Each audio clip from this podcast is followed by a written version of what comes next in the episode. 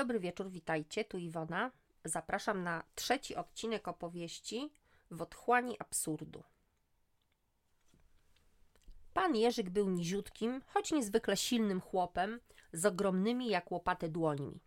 Nieraz widziałam, jak niesie tonę zakupów jedną ręką, drugą podtrzymując rower i jadące na nim dziecko. Żona pana Jerzyka, pani Angelika, była wysoką, szczupłą i bardzo elegancką kobietą o powściągliwym wyrazie twarzy. Nigdy nie widziałam, aby nosiła jakieś siatki z zakupami. Jerzyk i Angelika wprowadzili się do mieszkania naprzeciwko, kiedy poprzedni właściciel zmarł. Kupili mieszkanie od jego dzieci. Dzień dobry, pani sąsiadko, zagadnął pan Jerzyk, wsiadając za mną do windy. Ładny dziś dzień, prawda? Istotnie ładny, odpowiedziałam uprzejmie. Jedziemy z żoną na grzyby. Muszę jeszcze tylko zabrać kilka rzeczy z domu. Kluczowy jest nożyk. Nożyk? Aha. Nie bardzo wiedziałam, dlaczego akurat nożyk. Zatem życzę pięknych zbiorów. Winda zatrzymała się na naszym piętrze. Moim oczom ukazała się sterta składanych krzesełek, koszy, toreb i Bóg wie jeszcze czego, przy których czuwała sąsiadka z miną srającego kota. Co tak długo? warknęła na męża. Musiałem poprzekładać wszystko w bagażniku, kochanie, wycedził przez zęby sąsiad, starając się trzymać fason. Do widzenia. Rzuciłam i zamknęłam za sobą drzwi mieszkania. A zawsze myślałam, że na grzyby wystarczy zabrać koszyk lub wiadro i porządne buty. Telefon zadzwonił, gdy leżałam w wannie. Nici z mojego cudownego wieczoru z książką w kąpieli. Uwielbiam. Mamo, ciocia Magda dzwoni. Iga wydarła się za drzwiami. Powiedz jej, że oddzwonię. Ale ciocia chce teraz z tobą rozmawiać. Najwidoczniej Magda dopominała się o oddanie mi słuchawki. O Boże, zaraz. Niezadowolona wyszłam z wanny i otworzyłam drzwi. Matko, dzwoniłabym przecież, stęknęłam do słuchawki. Oj tam, co robisz w sobotę? Jezu, nie wiem. Jeszcze nic, odparłam ziewając. To wpadaj do nas. Na dwudziestą, dobra? Pomyślę. Nie pomyślę, tylko wpadasz. Teraz muszę kończyć, jutro się dzwonimy. Pa. I tyle było naszej rozmowy. Odechciało mi się kąpieli. Szkoda, bo piana pięknie pachniała. Udar wskoczył na kanapę, wgramolił się na moje kolana i mościł sobie miejsce na drzemkę, głośno mrucząc. Pomyślałam, że mi także przyda się nieco snu w tak miłym towarzystwie. Z drzemki wyrwał mnie telefon. Cześć! Usłyszałam głos byłego, zanim zdążyłam się odezwać. Pożycz dwa koła. Że co?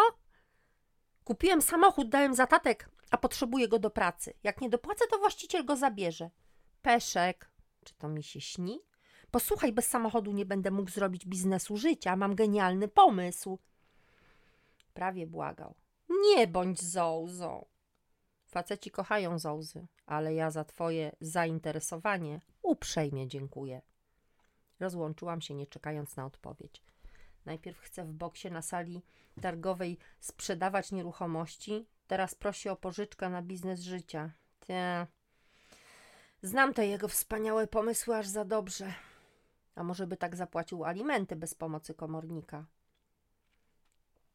Wieczorem miałam dosłownie zgon. Kilkakrotne przerywanie odpoczynku doprowadziło do takiego zmęczenia, że nie mogłam wręcz myśleć. Musiałam położyć się tu i teraz i zasnąć. Czasem tak mam. Jakby ktoś spuścił ze mnie powietrze. Dzieje się tak zwłaszcza w upalne dni, a w tym roku wrzesień jest bajeczny. Słońce grzeje jak w lipcu. Wzięłam chłodny prysznic, rozłożyłam łóżko, wskoczyłam pod kołdrę i głęboko odetchnęłam. Jeszcze łyk wody i lulu. Mamo! Czy ta dziewczyna musi stale krzyczeć? Trzeba jechać po Rafała! Iga wpadła do pokoju jak błyskawica. No już wstawaj! Ale o co chodzi, dziecko? Czy coś się stało? spytałam spokojnie. Dzwonił Krzysiek, Rafał miał wypadek. Teraz to ja byłam błyskawicą. Wyskoczyłam z łóżka jak oblana wiadrem zimnej wody. Już sięgałam po spodnie, wzrokiem szukałam torebki. Szybko, ubieraj się, na co czekasz? Wrzasnęłam do Igi. Gdzie on jest? Co się stało? Wykrzykiwałam, nie przestając się ubierać. W skateparku za szkołą. Iga też jak w amoku zakładała buty. Jezu! Chwileczkę. W skateparku? Jak samochód wjechał do skateparku i potrącił mojego syna? Przebił płot? No tak, chodź wreszcie! Iga stęknęła. Czekanie na windę było ponad nasze siły. Zbiegłyśmy po schodach, a w mojej głowie skandowało hasło skatepark. Jak tam mógł wjechać samochód? Przecież tam nawet nie ma bezpośrednio za płotem ulicy. Jest trawnik, chodnik, znowu trawnik i dopiero asfalt. Płot jest bardzo wysoki, jak na boisku do kosza. Iga, zapytałam wsiadając do samochodu. Co dokładnie powiedział Krzysiu? No, że Rafał miał wypadek i że ma rozwaloną nogę. Nogę? Tak, nogę. Iga najwyraźniej nie rozumiała, dlaczego w ogóle dopytuję o jej brata. Przecież mówiłam, trzeba go zawieźć do lekarza. Matko, a ja. Uff, nieważne.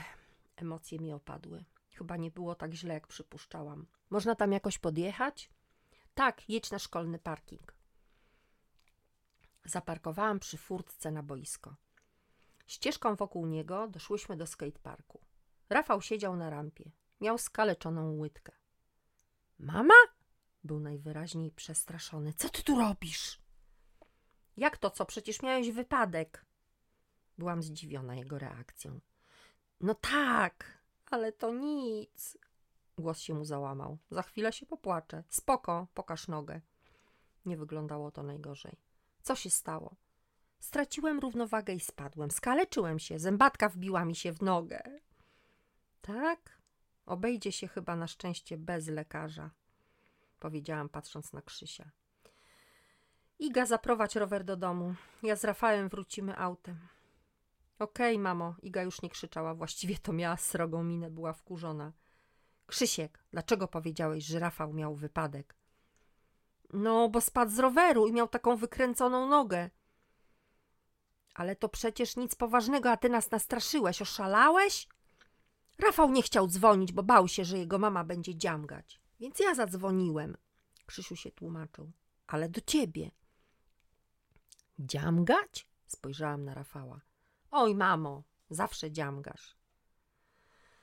Tak, zawsze dziamgam, ale wtedy, gdy nie robi tego, o co go proszę, lub gdy spóźnia się do szkoły, y, albo gdy siedzi zbyt długo na kąpie. No tak, jestem dziamgającą mamą. Mam nadzieję, że nie jest to odosobniony przypadek wśród rodziców. Zębatka nie wbiła się w łydkę głęboko. Na szczęście. Na boisku z rany leciała jeszcze krew, ale w domu zdezynfekowałam ją i zrobiłam opatrunek. Plastry i bandaż to obowiązkowe wyposażenie apteczki, gdy mamy wśród domowników nastolatka. Rower też nie ucierpiał. Po prostu Rafał pechowo upadł, zahaczając o łańcuch. Panika dopełniła obrazu i chłopcy myśleli, że konieczna będzie wizyta na pogotowiu. Jednak gdy krew przestała lecieć, okazało się, że nie jest źle. Może wyciągną z tego zdarzenia jakieś wnioski. Na przykład, żeby nie wpadać zbyt szybko w panikę. A ja? Hm, ja muszę przestać dziamgać. Tylko jak to zrobić? Na tym koniec tego odcinka. Dziękuję za wysłuchanie. Zapraszam do komentowania i do subskrybowania kanału. I moi drodzy, bardzo dziękuję za wypite ze mną kawy. Pięknego wieczoru i mam nadzieję do usłyszenia.